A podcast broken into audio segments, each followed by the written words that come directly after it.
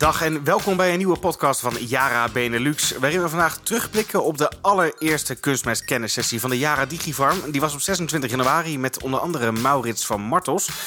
Inmiddels lid van de Boerburgerbeweging. Oud Tweede Kamerlid voor het CDA, als ik me niet vergis.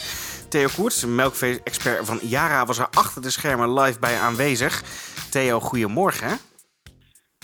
Ja, goedemorgen Ruben. Je vergeet nog iemand, hè? Marco Fleisman was er ook nog. Natuurlijk. Jullie uh, commercieel directeur voor de Benelux, die was er ook bij. Die ging, die ging vooral in over de inhoud, over de marktprijzen. Wat gebeurt er nou op de wereld? Jij was erbij. Je moest natuurlijk een eindje terugrijden. Is het laat geworden? Ja, dat viel mee. Half elf, kwart voor elf was ik weer thuis. Maar uh, de aftertalk uh, was, was niet zo heel lang. Maar we hebben toch nog wel even gezellig nagebuurd. Dus dat was op zich hartstikke mooi. Mooi. Lijkt me met de deur in huis vallen. Maurits van Martels, of Von Martels moet ik eerlijk zeggen. Uh, waarom hebben jullie hem uitgenodigd om uh, het een en ander komen te vertellen? Nou ja, dat is uh, iets in, de, in de landbouw en vooral de, het kennisniveau in, in Den Haag is over het algemeen niet al te hoog. En met Maurits van Martels was, was er toen de tijd, was er behoorlijk wat kennis aanwezig in, in Den Haag. Alleen jammer dat hij wat op de verkeerde plek terechtgekomen is. Dus dat hij niet in echt zijn eigen uh, kennisvlak uh, terechtgekomen is. Dus hij is wat dat betreft op een andere plek terechtgekomen. Geeft hij zelf ook aan. En dat geeft, hij gaf ook meteen aan dat dat een van de grote problemen is die spelen in, in Den Haag. Als je wilt lobbyen en je wilt mensen informeren en ook vanuit de landbouw je voldoende informatie bij de juiste plek krijgen, moet je daar op tijd mee beginnen. Want hij kon uit ervaring heel goed vertellen van, goh, ik kwam daar terecht en ik was eigenlijk ja, het eerste jaar was ik aan het kennis verzamelen om te weten van waar praat ik precies over, waar moet ik over beslissen, welke knopjes moet ik drukken, bij wie moet ik zijn. En dan ben je een jaar verder. Nou ja, je weet nu dat we een, een regeringsperiode van drie jaar hebben. Kom je dus nu op een post terecht waar je niet helemaal thuis bent. Dan heb je nog maar twee jaar om echt daadwerkelijk dingen door te voeren en, en, en beslissingen over te nemen. Dus dat, dat was een van de, van, van de belangrijke zaken. En daarom hebben we hem ook gevraagd. Nou ja, en natuurlijk, uh, het is iemand die uh, volop in de praktijk staat. En die uh, ook weer zijn voelspriet heeft uitgestoken. Hij is bij het CDA vertrokken en heeft lidmaatschap bij de BBB getekend. En wat daar verder uitkomt is natuurlijk afwachten. Maar dat is in ieder geval, hij blijft actief. Hij wil wel weer actief worden in de politiek, zoals hij het aangaf. Dat is nog niet helemaal 100% zeker, maar dat gaan we beleven. Dus dan hebben we in ieder geval iemand die wel weer stront aan zijn schoenen heeft of stront aan zijn lazen. En die weet in de praktijk van hoe het allemaal zit. Dus dat, is, dat was een van de redenen om uh, Maurits uh, te vragen. Voor Martens is natuurlijk zelf ook uh, nog steeds melkveehouder, altijd gebleven ook. Um, hij moest dus kennis verzamelen over een ander onderwerp, want hij kreeg een portefeuille toebedeeld die, die niet puur zang in zijn straatje lag. nou kan ik me voorstellen dat je toch gewoon genoeg ambtenaren op ministeries hebt en genoeg lobbyisten om ehm, ja, afdoende kennis te komen. Dat klopt, maar dan moet je wel, uh, die mensen moet je ook aanspreken en die uh, moet je ook uh, gaan bezoeken en, en, en opzoeken. En daar krijgt de landbouw over het algemeen wel de, de credits voor, dat men dat wel weet, waar, we, waar we wezen moeten, bij wie we moeten zijn. Dus de, de, om daar te praten. En ja, dat, is wel een, een, vond ik wel een heel mooi compliment wat wij kregen. Dus daar wordt wel geregeld. Alleen ja, de afstand tot het platteland en de Haagse politiek is, is soms wel eens wat groot. En ja, er zijn meerdere belangen die spelen. En ja, de, de, de hoofdmoot van kiezers bepaalt ook over het algemeen wat er gaat gebeuren. kijk, als je impopulaire maatregelen moet gaan nemen waar je de complete burgerij mee tegen je in het harnas jaagt. Ja, dan krijg je dus afwegingen tussen stemmen en gezond verstand. En dat, nou, dat is wel eens een keer een gevaarlijke. Dat is, uh, uh, en dan worden wel eens dingen besloten. En ja, er worden ook dingen geroepen dat je zegt van ja, je weet niet wat de gevolgen zijn. Daar worden dingen geroepen van ja, als we nu stoppen met kunstmest, dan hebben we ons gasprobleem opgelost. Uh, en het stikstofprobleem is opgelost. Stond net weer op, op, op, op boer.nu. En dan, dan zie je daar dus ook heel veel mensen positief op reageren. Dat klopt, is ook zo. Dan is het probleem opgelost. Maar net wat Maurits gisteren zo mooi zei. Hij zegt, ik heb van het voorjaar zo'n graskuil met weinig eiwit gehad. Ik moet nu een verschrikkelijke veel soja bijvoeren. Of raap of wat ander product moet bijvoeren. Dat is hetzelfde als je nu alleen op drijfmest overgaat. Ja, weet dan wel, het kan, het is absoluut mogelijk. Maar weet dan wel dat de gevolgen zijn dat je gras krijgt met weinig eiwit. Wat alleen met drijfmest of een drijfmestvervanger die, die, die zijn er ook nog niet optimaal. Maar als je daarmee zou kunnen doen, is mooi. Maar als je het met de kunstmest zou stoppen, zou dus betekenen aan de andere kant dat je weer heel veel soja moet kopen. Ja. En dan krijg je die hele discussie weer waar het ieder jaar weer over gaat. Als die, als die importcijfers weer, uh, weer, weer bekendgemaakt worden. We zijn weer topaanvoerder van soja over de hele wereld. Nou, dan gaan we weer. Klopt. En dat, dat lok je dan gewoon uit. Ja, er is ook een oplossing, dat is minder beest houden. Uh, dat, dat kan dan ook. Maar dat, dat zul je dan ook wel... Je moet eigenlijk meer beest houden om dezelfde hoeveelheid melk te produceren. Want de productie die zal er zeker niet uh, goed op gaan. Kijk, als er een goed alternatief is, daar zijn we ook stik mee bezig. Ook als, als Yara zijn. We willen proberen naar groen ammoniak. Dus op basis van stroom uh, kunstmest maken. Dus dat we van het gas af kunnen. Wij willen ook daarvan af. En dat is ook... Maar dat kunnen we niet in één stap doen. Die, die, die stap is zo groot. Daar zijn zoveel, je bent zoveel energie nodig om die kunstmest te maken. Ik heb wel vaker verteld, uh, er staan nu 2000 windmolens. En als we uh, de stroom nodig, die we nodig hebben voor Sluiskil om compleet groen te worden, zijn we 3000 windmolens nodig. Dus er moet veel gebeuren. Dus dat, kunnen we niet alleen. Dat, daar zal uh, meerdere stappen voor gemaakt moeten worden. Dus dat, wij willen ook graag. We willen ook graag helemaal naar groen. Alleen het kan niet van vandaag op morgen. Dat gaat niet. Het probleem is ook, wat wordt, uh, als ik dan even de, akkerbouw bijpak. Hè, uh, op dit moment trekken wij zeg maar zo'n zo'n 10.000 kilogram graan per hectare door die kunstmest. Zou die kunstmest dus niet toedienen zonder die stikstof, dan kom je gewoon op, op 1750 kilogram per hectare. Ja, dan ga je de wereld gewoon niet mee voeden. Nee, je verliest zoveel.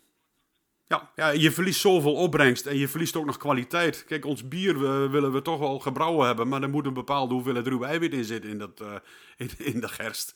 Ja, anders krijgen we, kunnen we geen bier uh, meer maken. Nou, dat is, daar wordt de wereld ook niet leuker van. Een wereldprobleem. dat is het volgende probleem. dus ja, dat zijn, zijn allemaal dingen eh, op korte termijn. En op lange termijn komen er oplossingen. Maar we moeten daar langzamerhand die transformatie daar naartoe maken. We kunnen dat niet vandaag op, tot op morgen. Dus dat, en dat zegt Maurits ook wel. Uh, dat gaat langzaam, dat zal een tijd duren. Maar we moeten wel een bepaalde weg inslaan. Er, zal, er zullen dingen veranderen. Maar dat kan niet vandaag op morgen. Nee, nou had je net inderdaad ook wel even, overtjes, uh, even over politiek Den Haag en wat het dan precies inhoudt. Um, daar, daarin zien wij toch, in heel Nederland zien we een polarisatie. Zagen we natuurlijk laatst jaar ook gewoon bij de boeren. LTO Nederland dat heel veel goed werk verricht, denk ik. Maar voornamelijk in de achterkamers, als het gaat in Den Haag. Het is allemaal niet zichtbaar. En er komen uiteindelijk resultaten uit. Hè, door bijvoorbeeld een, schouten uh, hiervoor, uh, die daar de keuzes over maakt. Uh, maar omdat dat niet zichtbaar is, heb je een, een club als Farmer Defence Force die zich ermee gaat, mee gaat bemoeien. Um, hoe, hoe, zou de politiek meer die aansluiting kunnen vinden? Zou dat volgens jou dan zijn weg uit die achterkamers en meer open discussie voeren met elkaar? Nou, open discussie is altijd goed, maar achterkamertjes politiek is al, blijft altijd nodig. Je moet dingen toch uh, voorbewerken. En, maar wees wel open met wat er gebeurd is en hou het niet allemaal uh, achter gesloten deuren. Maar wat heel belangrijk is, en dat zei Maurits ook al, we moeten zorgen dat we een front hebben. Dat we met z'n allen, alle boeren gezamenlijk in één en allemaal de neuzen dezelfde kant. En als je in verschillende groepen zit, toch elkaar op blijven zoeken, de dialoog blijven zoeken, met elkaar in gesprek, proberen uh, toch de neus dezelfde kant op. We hebben eigenlijk voor, voor, voor, voor, voor 90% zitten we allemaal met hetzelfde doel. Zitten ze in, in, in, de, in de groepen om, om dingen voor elkaar te krijgen. We hebben allemaal het belang van onze agrarische sector uh, voorop. Uh, heel belangrijk voedsel produceren voor deze wereld. We moeten zorgen dat wij, uh, uh, dat, dat ook in, in stand blijft. Dus dat hebben we allemaal wel gemeen. Alleen als we elkaar de tent uitvechten of we, we gaan elkaar met modder gooien, ja, dat, dat, dat is de bedoeling niet. We moeten zorgen dat we die eenheid houden. En ja, de manier waarop sommige mensen actie voeren, dat sluit niet bij de ander aan. Dat, dat is iets wat je dan onderling kunt bespreken. Maar wees wel zoek eenheid en heb hetzelfde doel voor ogen. En dan kun je een front vormen. Want als individuele boer kun je gewoon uh, heel weinig. Je kunt wel zeggen van ja, ik stop met melk leveren. Ja, dan zeggen ze nou ja, hij stopt met melk leveren, moet hij zelf weten. Maar als alle boeren zeggen we gaan een week lang de melk de, uh, niet leveren. Poeh, dan gebeurt er wat. Dan gaat, ja, dan krijg je echt impact. En dat is, dat is eigenlijk de, de, de eenheid. Dat zou het mooiste zijn als je dat voor elkaar zou kunnen krijgen. Misschien uh, kan de boerburgerbeweging daar natuurlijk wel een bepaalde rol in spelen. Hè, als we het dan toch over uh, Von Martels hebben die zich daar als lid bij heeft aangesloten. Uh, dan even door naar het tweede deel van de kunstmest-kennissessie. Uh, daar was, ik denk je Duitse collega Marco Fleisman aanwezig. Commercial Director van de Benelux. En die had een heel verhaal met heel veel sheets over allerlei prijzen over de hele wereld. En de impact die dat dan heeft op kunstmest. Het was voor mij iets te technisch, ben ik ook heel eerlijk in. als we dat nou samenvatten en terugbrengen tot de belangrijkste boodschap. Wat is dat dan? Ja, dat moet Marco nog even iets meer credit geven. Hij is zelfs ook nog uh, directeur uh, Duitsland, uh, Oostenrijk en Zwitserland erbij. Dus hij heeft toch wel een behoorlijke hoek waar hij directeur over is. ja, wat eigenlijk het belangrijkste boodschap is. En dat is geen, niet een hele leuke boodschap, maar wel een hele logische boodschap. gezien alle seinen, India die veel koopt, de tarweprijzen die hoog zijn, gasprijzen die uit de pan gevlogen zijn... Ehm, wel met een, uh, de opmerking, het kenterde wat. Je zag iets een prijsdaling, maar het blijft op een achterlijk hoog niveau zitten. Dus de prijzen, reken er maar op, die blijven voor eerst nog even op het zeer hoge niveau wat we nu hebben.